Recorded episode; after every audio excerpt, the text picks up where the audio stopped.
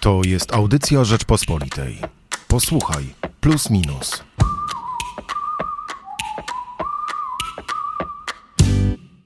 Michał Płociński. i Hubert Salik. Dziś porozmawiamy o tym, e, czy przetrwamy kryzys. No i o tym, jak przetrwać kryzys i kiedy w ogóle ten kryzys nadejdzie. Temu przyjrzeliśmy się w najnowszym wydaniu magazynu Plus Minus. E, No i wydaje mi się, że to jest e, też dosyć w oczywisty sposób połączone ze świętami, które jednak dla wielu z nas bywają kryzysogenne. I masa przygotowań, i jednak w wielu branżach kupa roboty na sam koniec roku. To może na początek, Hubert, opowiedzmy, jakie teksty można znaleźć w najnowszym wydaniu Plusa Minusa. Nasze danie główne w najbliższym numerze jest bardzo rozbudowane. E, zaczynamy wywiadem z Bogusławem Grabowskim, ekonomistą, który e, swego czasu mm, pracował w Ministerstwie Finansów, też w Radzie Polityki Pieniężnej i głównie o inflacji jest to rozmowa e, pod hasłem Zapłacą nasze dzieci i wnuki. Poza tym nobliwy gość, Leszek Balcerowicz, wiceminister finansów, e, minister finansów, wicepremier, e, były prezes NBP-u, e, który jest autorem reformy, a raczej jego zespół. Myślę, że powinniśmy to zawsze podkreślać, że oprócz niego byli tam tacy ludzie jak Stefan Kawalec czy profesor Osiatyński, która tak naprawdę zmieniła oblicze gospodarcze Polski. A do tego Piotr Arak o tym, czy grozi nam bezrobocie, Piotr Zaręba o tym, jak sobie politycy na razie przynajmniej radzą e, z gospodarką, albo sobie nie radzą. E, I na końcu Aneta Wawrzyńczak, która przedstawiła krótki obraz tego, jak wygląda kryzys oczami przedstawicieli branży gastronomicznej. No, gastro to jest ta branża, która jako pierwsza ucierpiała na pandemii, na lockdownach, prawda, bo bardzo była e, przywiązana jednak do tych swoich e, gości na miejscu, którzy przestali e, z dnia na dzień przychodzić. Ale zdradzając trochę zawartość tego tekstu, myślę, że najfajniejsze w nim jest to, że to nie jest tekst o ludziach, którzy załamali ręce i narzekają i mówią, że musieli wszystko zamknąć. To są ludzie, którzy mówią, że jest ciężko, ale zrobią wszystko, żeby, żeby przetrwać. E, czyli optymistyczny tekst o tym, jak bardzo jest źle. Naprawdę warto. No może tego optymizmu nam e, rzeczywiście trochę by się e, przydało, bo my tak naprawdę przyglądamy się, wiadomo, nie świętom, o których e, ja mówiłem, tylko rachunkom, które są coraz wyższe, inflacji, no, która wcale nie spada, a nawet się okazuje czwartkowe te dokładniejsze danie GUS, e, dane GUS, już danie mi się przez tą branżę gastronomiczną, głodny się zrobiłem, po prostu chcieliśmy o tym rozmawiać. Dane GUS e, pokazują, że inflacja jest e, jeszcze wyższa niż się wydawało e, wcześniej, prawda, w tych danych e, wstępnych. No i bezrobocie, które na razie w górę nie idzie, ale właśnie, chyba to jest podstawowe pytanie, od którego my wyszliśmy, e, zamawiając e, teksty dania głównego i przygotowując numer o kryzysie. Czy to bezrobocie w ogóle pójdzie w górę? Możliwe, że tak się stanie. Nasi rozmówcy no, nie są do końca przekonani, ale e, są czynniki, które wskazują na to, że takie prawdopodobieństwo istnieje. E, jeden e, główny, podstawowy jest taki, że inflacja, e, którą teraz mamy, dotyka wszystkich, ale nie tylko konsumentów, którzy widzą ją przez pryzmat e, swoich rachunków, e, ale tym razem dotyka też firm, bo to firmy, bo dla firm energia zawsze jest kosztem, zawsze potrzebują energii. Jedne firmy są mniej energochłonne, inne bardziej energochłonne, ale rachunki skoczyły wszystkim. Jeśli rachunki skoczyły wszystkim, e, skoczyły im też koszty. Jeśli skoczyły koszty, e, to też sytuacja pracowników jest trudniejsza. Przede wszystkim nie mają żadnym, mają mniejszą moc negocjowania e, swoich płac, ale też w przypadku skoku kosztów niektóre firmy coraz częściej podają wzrosty przychodów, a niższy wolumen sprzedaży. To już mówimy o firmach produkcyjnych. Przy wyższych przychodach, y, które wynikają z tego, że sprzedają drożej, a niższym wolumenie, nie opłaca się im często mieć tylu pracowników, bo i tak produkują mniej, choć drożej i mają wyższe przychody. E, Ale na tym- razie nie zwalniają. no niektóre firmy już zaczęły zwalniać. E, firmy produkcyjne, e, często związane z branżą motoryzacyjną, co jest o tyle istotne, że branża motoryzacyjna jest jednym z ważnych elementów polskiego eksportu. Czyli to powiązanie odbywa się w całym ciągu, który jest nawet poza granicami Polski, bo Polska nie jest producentem samochodów de facto. To jest, to raptem są trzy fabryki bardziej znane i jedna już taka prawie w fazie likwidacji, tylko głównie dostawcą, czy to siedzeń, czy to skrzyń biegów, czy, czy innych podzespołów. E, czyli jeśli my zwalniamy, to tam po stronie produktu końcowego też nie dzieje się dobrze, a nie dzieje się dobrze e, u tych, którym dostarczamy, a dostarczamy głównie firmom niemieckim, francuskim i japońskim. I koreańskim, bo niedaleko jest fabryka kij na Słowacji. I jak myślisz, bo trochę tutaj musimy zrobić taką rozmowę dziennikarz-ekspert, bo ja o gospodarce mam pojęcie naprawdę wyłącznie podstawowe, a ty jesteś doświadczonym jednak przez lata dziennikarzem ekonomicznym. Więc co nas czeka, jeśli chodzi o ten kryzys? Nim czego przetrwamy, to czy on w ogóle będzie poważny? Myślę, że trzeba na sprawę spojrzeć na samym początku od strony czysto ludzkiej, e, czyli od tego, co jest dla, e, dla, dla nas, dla naszej siły nabywczej, czyli tego, na co nas stać gorsze. Inflacja jest bardzo zła, tak? bo wszyscy widzimy w sklepach, jak drożeją ceny i wszyscy widzimy, jak rosną e, nasze rachunki i czynsze. Tak, czyli y, mówiąc wprost, wydajemy więcej, a kupujemy mniej. Nasza siła nabywcza spada. Inflacja dotyka, no ale i spada siła nabywcza jak gdyby wszystkich, ale też w różnym stopniu, bo to jest też kwestia, jakie, jakie mamy przychody. E, natomiast w przypadku bezrobocia e, mamy do czynienia z sytuacją, kiedy nie spada siła nabywcza, tylko niknie. Róż, więc e, z tego punktu widzenia siły nabywczej bezrobocie jest no, dużo bardziej traumatycznym doświadczeniem niż y, inflacja. Natomiast ten drugi punkt widzenia jest taki, że inflacja dotyka wszystkich, a bezrobocie tylko tych, którzy stracili pracę. E, pogodzenie tych dwóch elementów jest tak naprawdę jest tak naprawdę dziedziną polityki społecznej, która powinna być blisko polityki, mm, e, polityki ekonomicznej, czy to fiskalnej, czy, czy to monetarnej, zależnie jak na to, e, jak na to spojrzymy. E, I był taki moment w historii Polski, gdzie Ministerstwo Finansów blisko współpracowało z Ministerstwem Polityki Społecznej. Co ciekawe, to były czasy SLD, rządy, kiedy ministrem był Jerzy Hausner to są też czasy, kiedy nasz rozmówca był, e, jeśli mnie pamięć nie myli, w tym okresie wicepremierem e, i e, ministrem finansów, czyli Leszek Balcerowicz. Pytanie, co będzie dalej, jest trudne, dlatego że ekonomiści prognozują sytuację w przyszłym roku tak, że będzie inflacja, utrzymywała się inflacja, a znacząco spadnie tempo wzrostu PKB. Jeśli znacząco spadnie tempo wzrostu PKB, E, do 0,7%, taki jest mniej więcej chyba teraz konsensus. To jest ekstremalnie mało w przypadku Polski. E, jeśli będzie utrzymywała się dwucyfrowa inflacja, to moim zdaniem istnieje zagrożenie wystąpienia bezrobocia. E, dlatego, że no po prostu firmy będą produkowały mniej. Te 0,7 jest realne, czyli uwzględnia zmiany cen. Czyli ta gospodarka zacznie pełzać. Czyli będzie trochę, pojawi się zjawisko, które Mm, można określić mianem stagflacji. Można określić, dlatego że e, jest to za krótki okres czasu, żeby, żeby to była stagflacja. Później ma gospodarka się wybić na poziom tam 2,5-2,7%. E, mm, ale nie musi. To wszystko są prognozy. Wydaje mi się, że e, większość naszych ekonomistów, których o to pytamy, tych, którzy e, odpowiadali za politykę gospodarczą w latach 90. i na początku XXI wieku, ma skłonność do porównań obecnej sytuacji gospodarczej z tą, która była wtedy. I dla nich najgroźniejsza jest inflacja, mm, e, dlatego że inflacja może prowadzić do bezrobocia. I de facto o tym rozmawiamy, czy ta inflacja będzie prowadzić do bezrobocia.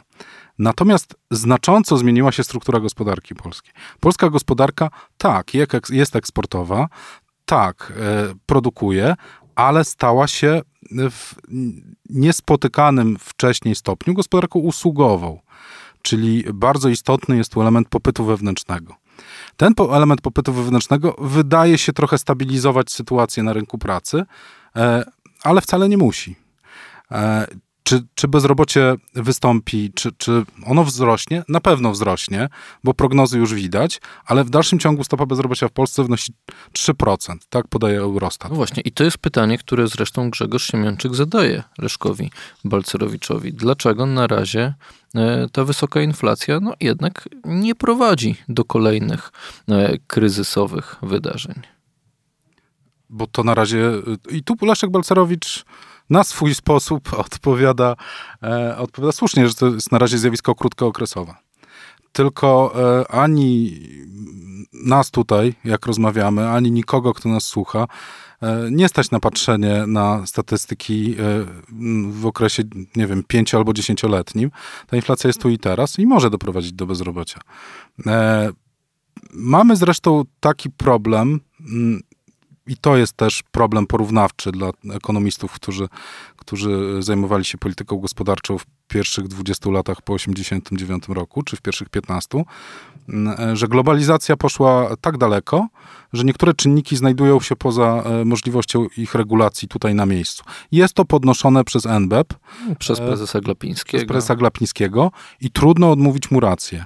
Te motory inflacji, jak energia, jak ceny żywności, które są powiązane e, z zmniejszeniem eksportu zboża e, przez Ukrainę, spowodowane wojną, jak załamanie niektórych ciągów produkcyjnych, łańcuchów dostaw, E, znajdują się poza kontrolą e, podaży pieniądza. A NBP, głównym elementem kontroli podaży pieniądza po stronie NBP-u jest e, manipulacja stopą procentową.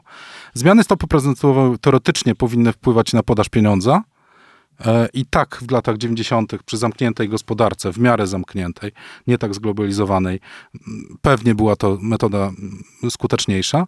Teraz nie jest już tak skuteczna. Dlatego ten miks jest bardzo istotny.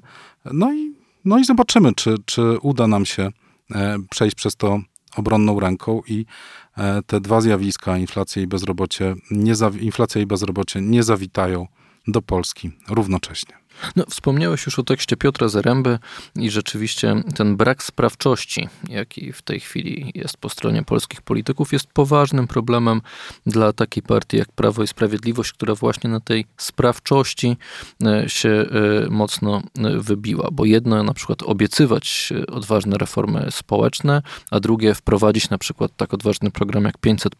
Do dzisiaj widać, że masa Polaków są naprawdę różne różne grupy wyborców, które do dziś doceniają to, że udało się Prawu i Sprawiedliwość, y, Sprawiedliwości ten taki polityczny imposybilizm, jeżeli chodzi o politykę społeczną w Polsce, e, przełamać. No a teraz, e, jak pisze Piotr Zaręba, już zdradzamy to w tytule e, jego tekstu, pisma, puste szuflady z pomysłami, co zrobić. I jest trochę mm, zależne od wydarzeń, no nie tylko trudnej zimy, y, ale może nawet nie najtrudniejszej w najbliższych latach, bo może za rok będzie jeszcze trudniejsze, jeżeli chodzi o energię, surowce, ogrzewanie i tak dalej. No ale także inflacji, która no, już miała spadać, a jednak nie spada. Myślę, że ciekawą myślą w tekście Piotra Zaręby jest to, że te, te, te puste szuflady z pomysłami e, są e, po wszystkich stronach. E, Piotr Ale to PiS mówi, rządzi, że... a, a wybory są na jesieni. No tak, ale jeśli wybory miałby wygrać ktoś inny, to musi mieć jakieś recepty. E, a e, tutaj tych recept nie widać po żadnej stronie. E, tutaj jak gdyby narracja opozycji sprowadza się do tego, że rządzą nami szkodnicy i trzeba ich wymienić. To jest narracja bardzo często emocjonalna i do niektórych ludzi nie trafia. Trzeba mieć jakiś pomysł. E, e, nie wystarczy mm, gniew 15%, bo to są jednak wybory. Mm, natomiast no, problem e, z rządami PiSu i gospodarką jest taki, że PiS no, ignoruje pewne, pewne zasady, które, które do tej pory rządziły polityką gospodarczą. Przede wszystkim, co też nie jest odkrywcze, e, jest tak, że e, rozwiąza- PiS patrzy na to od strony sytuacji społecznej, doraźnej sytuacji społecznej. Jest to spojrzenie empatyczne, czyli na przykład e, są dodatkowe emerytury, jednocześnie podwyższa się co roku płacę minimalną, co jest działaniem proinflacyjnym. Jednocześnie obniża się VAT, co jest działaniem proinflacyjnym, e, zmniejsza, zmniejszając przy tym e, przychody budżetu państwa, co utrudnia dalsze działania w tym kierunku. I to jest polityka krótkoterminowa, e, bo jest kosztowna dla państwa i to państwo mm, albo będzie się zadłużało, i wtedy to nie teraz trzeba będzie spłacać te długi, ale ten dług trzeba będzie rolować przez następne następne lata, czyli skupować długi, które mamy, a i emitować kolejne obligacje na pokrycie kolejnych długów. E, no i nawet to, że Polska jest w dobrej kondycji, tak na papierze, jeśli chodzi o dług publiczny, to może nas tutaj nie uratować, zwłaszcza, że mm, ten obraz może być fałszywy, bo część tych pieniędzy znajduje się poza e, sferą finansów państwa, finansów publicznych, w różnych funduszach. Na przykład cały program lockdownowy, który stworzył PiS, e, był, e, jest sfinansowany emisją obligacji zabezpieczonych przez Skarb Państwa, emitowanych przez PFR. Czyli to nie są de facto w tej chwili nie obciąża to budżetu. Dopiero przy wykupie tych obligacji, które są gwarantowane przez skarb, trzeba będzie je jakoś zaksięgować. Więc ten motyw z PFR-em jest no, moim zdaniem bardzo interesującym zabiegiem. Mm. Właśnie przyjęliśmy nowy budżet i też e, ekonomiści i dziennikarze mówią, że no, to w sumie bez znaczenia, co tam jest zapisane. E, tak, ale, ale możemy też spojrzeć na to bardzo szeroko, na poziomie całej Europy. Prawda jest taka, że nikt nie gra już tak, jak, e, jak grano w latach, e, na początku XXI e, wieku, w latach 2000. Wszystkie państwa, nawet te z dobrą kondycją, duże gospodarki, zaciągają masę długu masę długu. Ten dług e, w stosunku do PKB e, jest wyższy niż polski. Są kraje, które mają z tym problem od 20 lat, jak Włochy, które przekroczyły chyba z 15 lat temu przekroczyły 100% stosunku zadłużenia do e, rocznego PKB. E, Polska ma teoretycznie poniżej 60%, ale naprawdę trzeba podkreślić, że teoretycznie. E, w Niemczech jest nawet debata o tym, że e, Niemcy, niemiecki rząd wyprowadza, podobnie jak polski, część wydatków poza budżet. Tak. Więc my nie jesteśmy tu wyjątkiem. I w ten sposób ta broń na wymiarze politycznym zaczyna się tępić, bo trudno wtedy się odwoływać. Patrzcie, patrzcie Unię Europejską, jak PiS e, niszczy polską gospodarkę, e, bo okazuje się, że po te metody sięgają też kraje, do których się odwołujemy. E, dlatego w dziedzinie gospodarki ta, ta rywalizacja polityczna jest utrudniona zdecydowanie. Chcesz jakoś podsumować nasz temat kryzysowy, czy przechodzimy do innych tekstów, które mamy w numerze? No, chcę tylko podsumować, że ciągle nie wiemy, co się wydarzy, ale nigdy nie wiemy, co się wydarzy. Gdybyśmy wiedzieli, to myślę, że spędzalibyśmy e, czas w takich miejscach, jak niektórzy polscy piłkarze, którzy zagrali tylko kilka minut na Mistrzostwach Świata w piłce nożnej. No to skoro Mistrzostwa Świata, to prosto z Kataru. E, już takie podsumowanie, no bo mundial się kończy. Podsumowanie katarskich mistrzostw e, napisał nam Kamil Kołsut, który no, w końcu miesiąc w Dosze spędził i nie tylko w Dosze, pojeździł poza e, e, miasto i zastanawia się, co jest e, prawdą o tych mistrzostwach, a co jest wielką mistyfikacją, która zniknie razem z mundialem. Znakomity tekst. Znakomity. Polecamy Państwu. Kamil Kołsut przyjrzał się kibicom i przyjrzał się kibicom nieprzyjezdnym, czyli przyjrzał się tym ludziom, którzy tam mieszkają. A przypomnijmy, że nieco ponad 3 milionowy Katar E, to to jakieś 300 tysięcy Katarczyków i reszta e, ludzi, którzy mm, pracują na dobrobyt tego kraju. E, no i on się przyjrzał, jak mieszkają, komu kibicują. Ciekawe jest, że, i tu trochę zdradzimy, że większość jego rozmówców pyta, czy przypadkiem nie ma jakiejś pracy w Polsce. No właśnie. I to robocie może nam nie grozić. Na, nawiązujemy do, do poprzedniego tematu. No właśnie, najciekawsze jest dla mnie to, po przeczytaniu tekstu Kamila Kołsuta, co oczywiście Państwu też polecam, e, kto tak właściwie jest gospodarzem tego mundialu? Czy Katarczycy, czy ci, którzy stadiony zbudowali? Bo oni, od razu zdradźmy, poczuwają się do bycia gospodarzami i poczuwają się do dumy z tych mistrzostw. Czy to jest mundial Kataru, czy to jest mundial całej reszty świata? Wiesz co, ta analogia będzie bardzo daleka. E, ale na początku lat 90. był taki projekt, żeby zburzyć w Polsce Pałac Kultury i Nauki, bo jest to mm, spadek po. Ten projekt w przeciwieństwie do Pałacu y, Nauki i Kultury nie upadł. On ciągle się pojawia w przestrzeni publicznej. Nawet zabudować go tak, żeby go nie, nie było widać, żeby on był inny niż te moskiewskie. A pomyślałeś sobie kiedyś, że ci ludzie, którzy mieszkali w tych barakach na Jelonkach, byli naprawdę bardzo dumni z tego, że zbudowali ten pałac? To trochę jest ta sama sytuacja. Ja byłem dumny z tych baraków. To były akademiki mojego uniwersytetu. No, ci ludzie też mieszkają w Katarze w barakach i e, nie wiem, czy ten los ich się poprawi. E, no, ale ludzie są dumni ze swojej pracy, ale często to, co stworzyli, staje się symbolem czegoś, o czym co w ogóle znajdowało się poza ich y, myśleniem, tak. Więc ja myślę, że gospodarzem tych mistrzostw są Katarczycy, to 300 tysięcy. A ja myślę jeszcze przed finałem, że to był naprawdę znakomity mundial pod względem piłkarskim. I to go naprawdę broni. Przyznam szczerze, że na początku nie oglądałem, między innymi, nie ukrywam, z przyczyn trochę ideologicznych, gdyż yy, uważam to wydarzenie, że ten że ten mundial odbył się w tym, a nie innym miejscu za chucpę z demokracji, no w ogóle. E... A zarazem to jest demokratyzacja piłki nożnej, wyprowadzenie futbolu poza stary kontynent. Ale parę meczów pod koniec obejrzałem i mm, oba półfinały mi się podobały. Choć drugi był bardziej emocjonujący, to w pierwszym było widać zdecydowanie no, taką myśl taktyczną. Było widać więcej takiego, takiej piłki przemyślanej. E, więc mundial był ciekawy. Czekamy na finał. Czekamy. Kto wygra?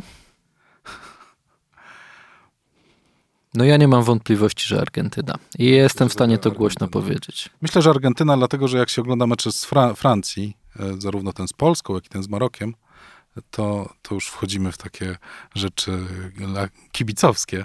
E, Francuzi zostawiają bardzo dużo miejsca w środkowej części.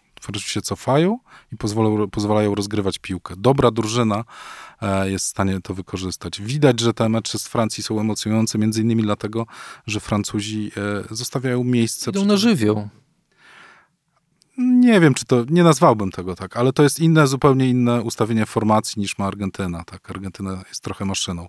No i koniec końców Argentyna ma Messiego, e, który moim zdaniem jest, a oglądam piłkę od bardzo dawna, Messiego też od bardzo dawna, jest najlepszym piłkarzem mm, świata, nawet nie teraz, tylko w ogóle. Nie widziałem lepszego przez 30 parę lat oglądania piłki nożnej.